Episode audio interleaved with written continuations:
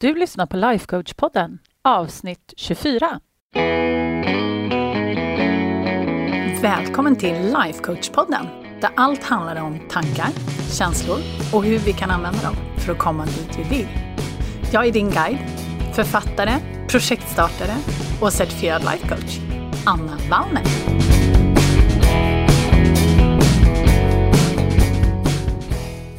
Men hej på er och välkomna tillbaka till podden. För att idag så tänkte jag komma med lite konkreta tips. Man skulle nästan kunna säga att det är en konkret övning som du skulle kunna göra ifall det är så att du någonsin har upplevt eller upplever att det blir lite overload i hjärnan. Och det är jättemånga av er som rapporterar det här till mig, så jag vet att det är ett stort problem. Och det är såklart att det här kan ju kännas väldigt olika för olika personer. För mig så brukade den här överladdningen i hjärnan kännas som att det var typ varm kolsyra i huvudet.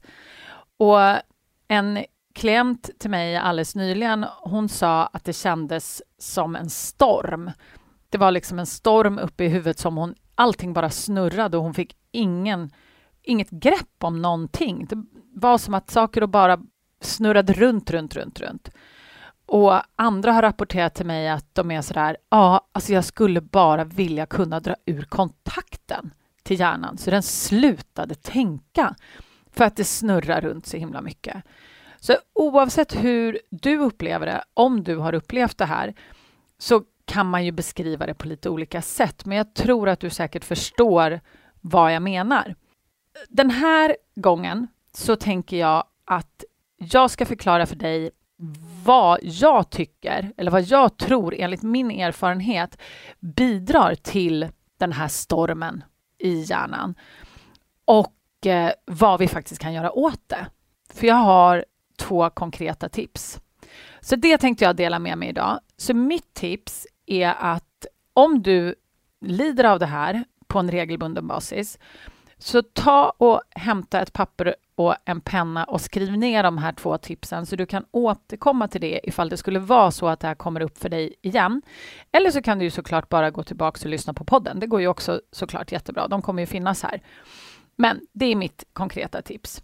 Enligt min erfarenhet, när vi upplever den här stormen i hjärnan, då är det frågan om tankar som snurrar runt. Och primärt så skulle jag säga att det är två olika typer av tankar som är orsak till den här stormen i hjärnan.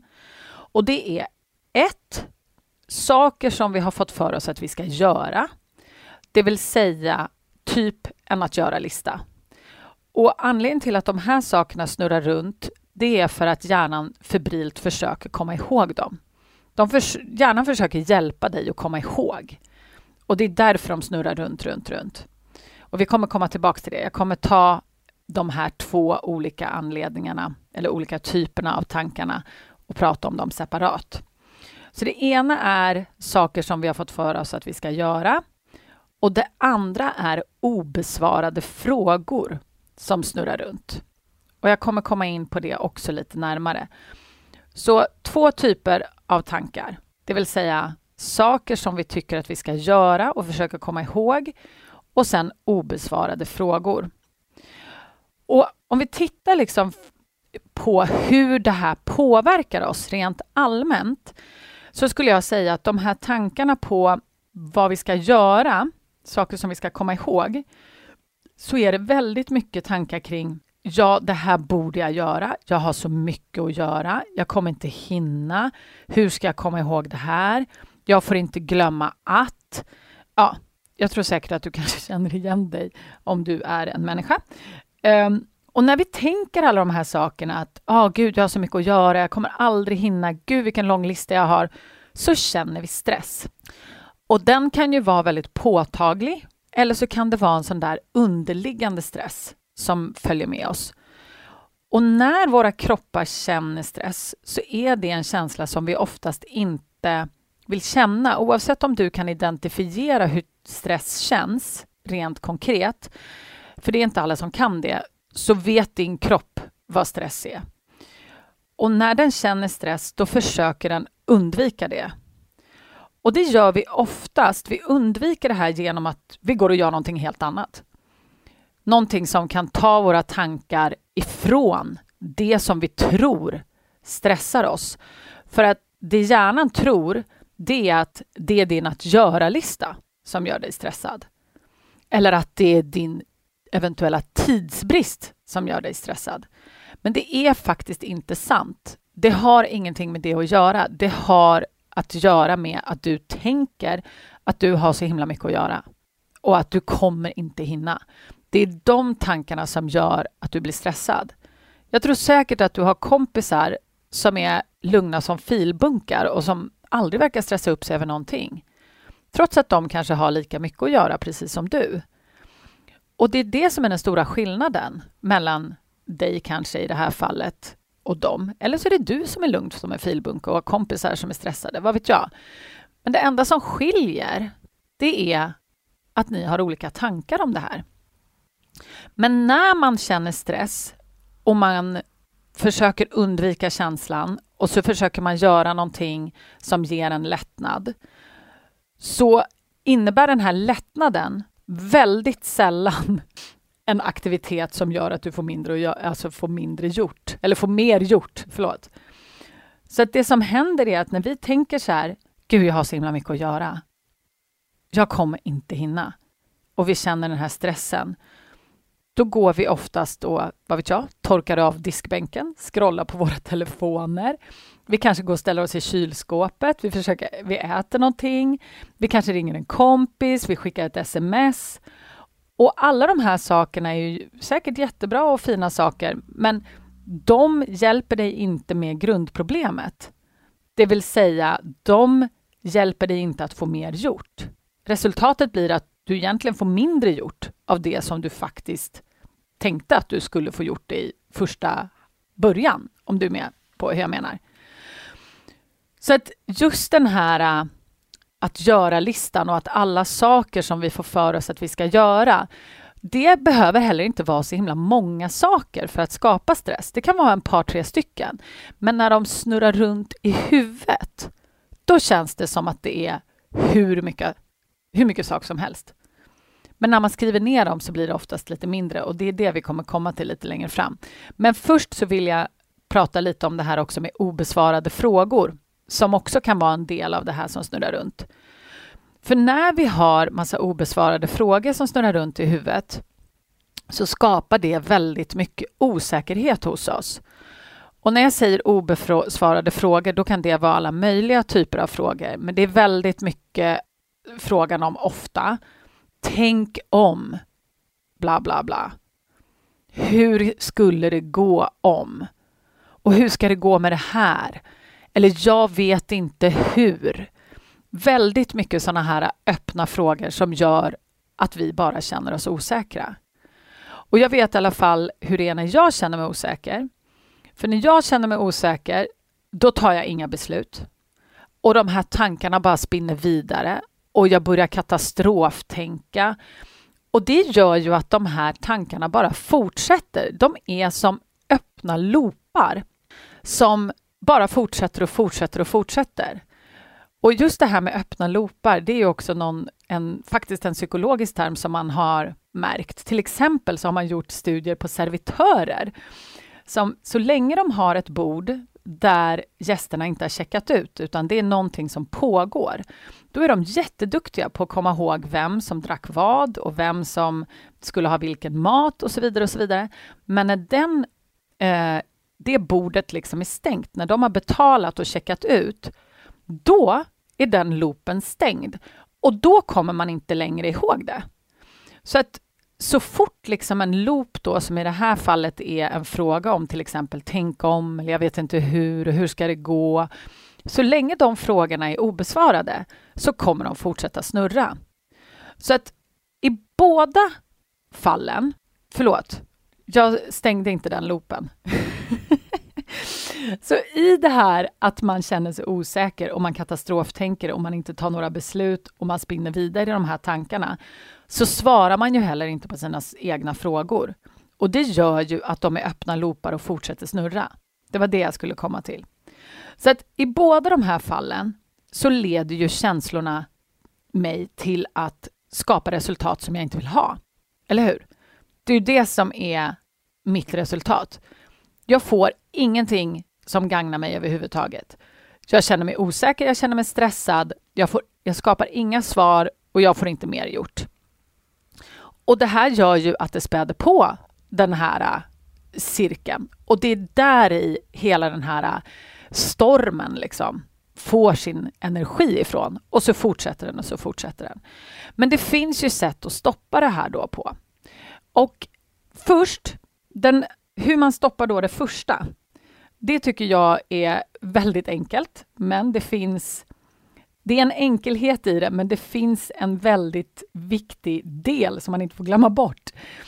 Och det är så här, när det är saker som du känner att du vill göra, eller så här, jag borde göra det här, jag har det här, jag har för lite tid, jag hinner inte, bla bla bla. Ta tio minuter, sätt dig och skriv ner allt det här. Och då tänker du så här, ja men jag har väl gjort att göra-listor förr. Absolut, det vet jag att du har. Anledningen till att det inte har funkat, om det inte har funkat ska jag säga, det är för att du skriver ut allting och så ligger det där pappret i någon hög och sen försvinner det. Och grejen är det att om du skriver ut allting men sen bara glömmer bort det, om du har för vana att göra så, eller du kanske checkar av några saker på den listan och sen så faller du i glömska, då litar inte din hjärna på ditt system. Och det är det som är grundproblemet. För att så länge hjärnan inte litar på ditt system så kommer den försöka komma ihåg alla de där sakerna i alla fall. Då kan du skriva hur många listor som helst. Så mitt tips till dig är att du skriver en lista och sätter den på ett ställe där du vet att du kommer ha koll på den och återkomma till den. Och också att du skriver ner saker som ligger liksom top of mind, eller vad man ska säga, som ligger överst, som du vet stör. Men att du också går runt och tittar liksom lite runt omkring dig. För att det finns väldigt ofta saker som hjärnan försöker komma ihåg ändå. Till exempel varenda gång du går förbi garaget kanske den säger, ja ah, just det, vi ska städa garaget också. Eller när du går in i barnens rum så tänker du, ja ah, men just det, jag måste ju tapetsera om också. Så det kan finnas väldigt många sådana ställen där det är värt att gå omkring och faktiskt skriva ner allting. Och för väldigt många som jag jobbar med så blir det här en ganska lång lista och så känner man sig helt överväldigad och bara det här kommer ju aldrig gå. Men grejen är det att det kommer inte gå bättre om du försöker hålla det i huvudet. Det lovar jag dig.